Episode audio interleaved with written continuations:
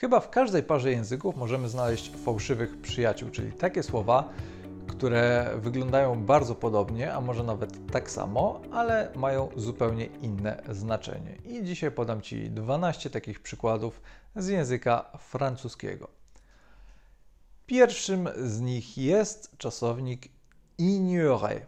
I może nam się wydawać, że wiemy, co on oznacza, i pewnie oznacza ignorować. Po polsku ignorować oznacza wiedzieć o istnieniu czegoś, ale nie zwracać na to uwagi. Natomiast po francusku e, ignorer ma tak naprawdę dwa znaczenia, z których e, to pierwsze jest e, częściej używane i właśnie ono nie pokrywa się z tym znaczeniem polskim, bo po francusku ignorer znaczy najczęściej nie znać, nie wiedzieć o istnieniu czegoś.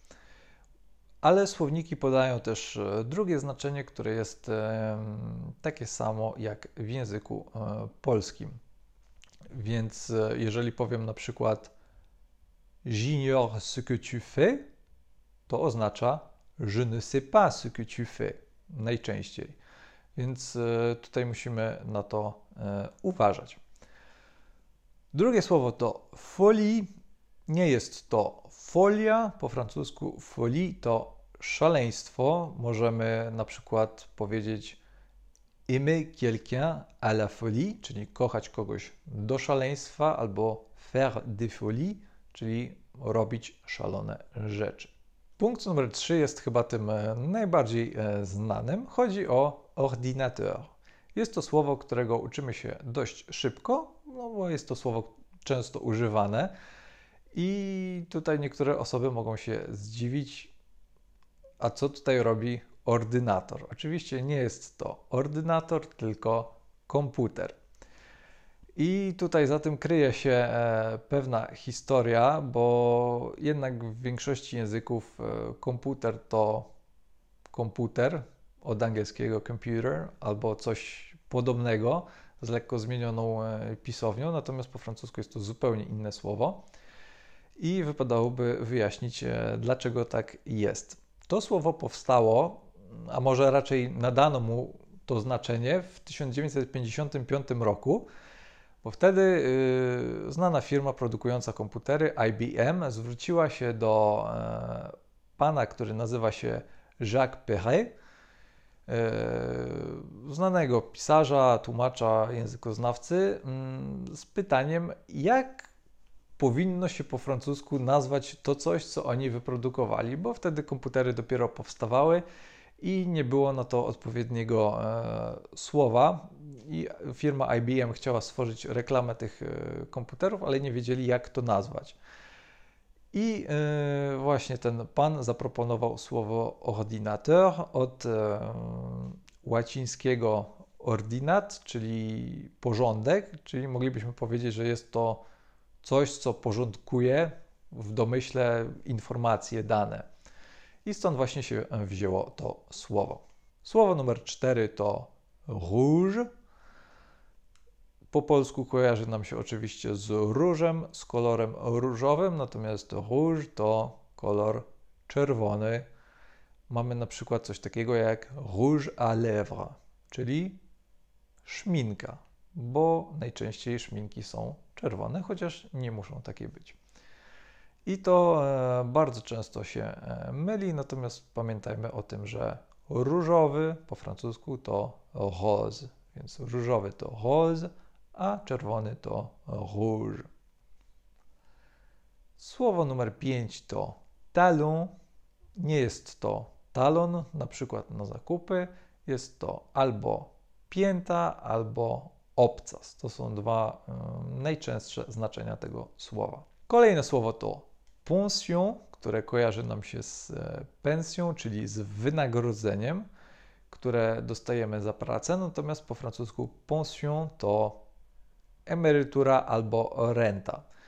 Tutaj trzeba by było to odpowiednio doprecyzować, żeby było wiadomo o co chodzi, natomiast e, bez doprecyzowania może to być albo emerytura, albo renta, natomiast e, pensja, czyli wynagrodzenie, które dostajemy za pracę, to jest salaire.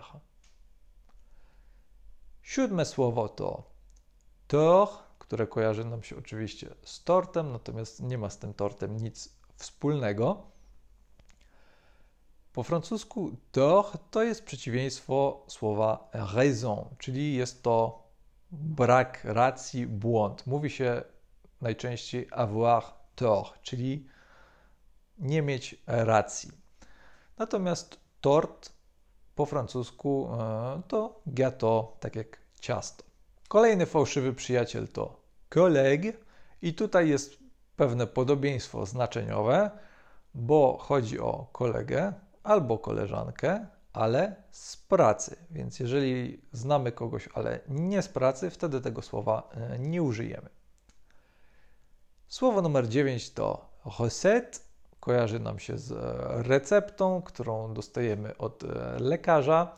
Po francusku recepta to ordonnance, taka recepta, z którą idziemy do apteki.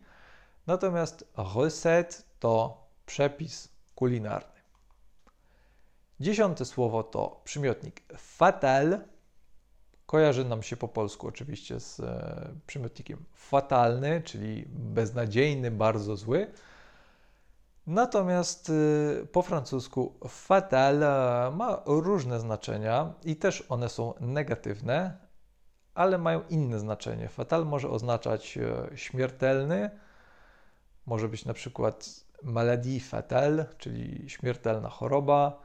E, może to być coś nieuniknionego, jakieś zagrożenie, na przykład mówi się na przykład femme fatale, czyli to jest taka kobieta, która, której ulegamy i która później sprowadza na nas e, same nieszczęścia.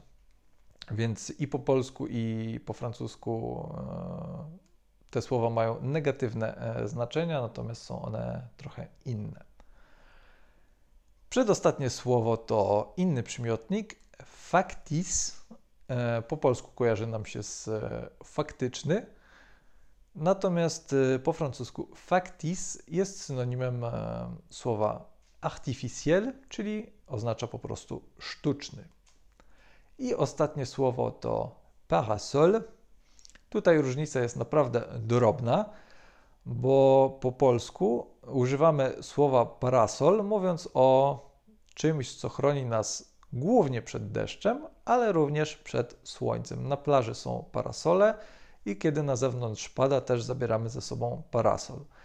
Natomiast po francusku mamy dwa różne słowa: parasol i parapluie, w zależności od tego, przed czym e, ten przedmiot ma nas chronić. Jeżeli ma nas chronić przed słońcem, wtedy jest to parasol, bo soleil to słońce. Natomiast jeśli e, pada deszcz, wtedy e, potrzebujemy parapluie pluie, bo pluie to deszcz. To już wszystkie przykłady, które przygotowałem. Oczywiście jest ich e, więcej. Jeżeli masz jakieś inne e, przykłady, to daj znać w komentarzu. Zachęcam Cię również do subskrybowania tego kanału, jeśli jeszcze tego nie robisz, bo regularnie publikuję tutaj wartościowe porady związane z nauką języków obcych. Do zobaczenia w kolejnym odcinku.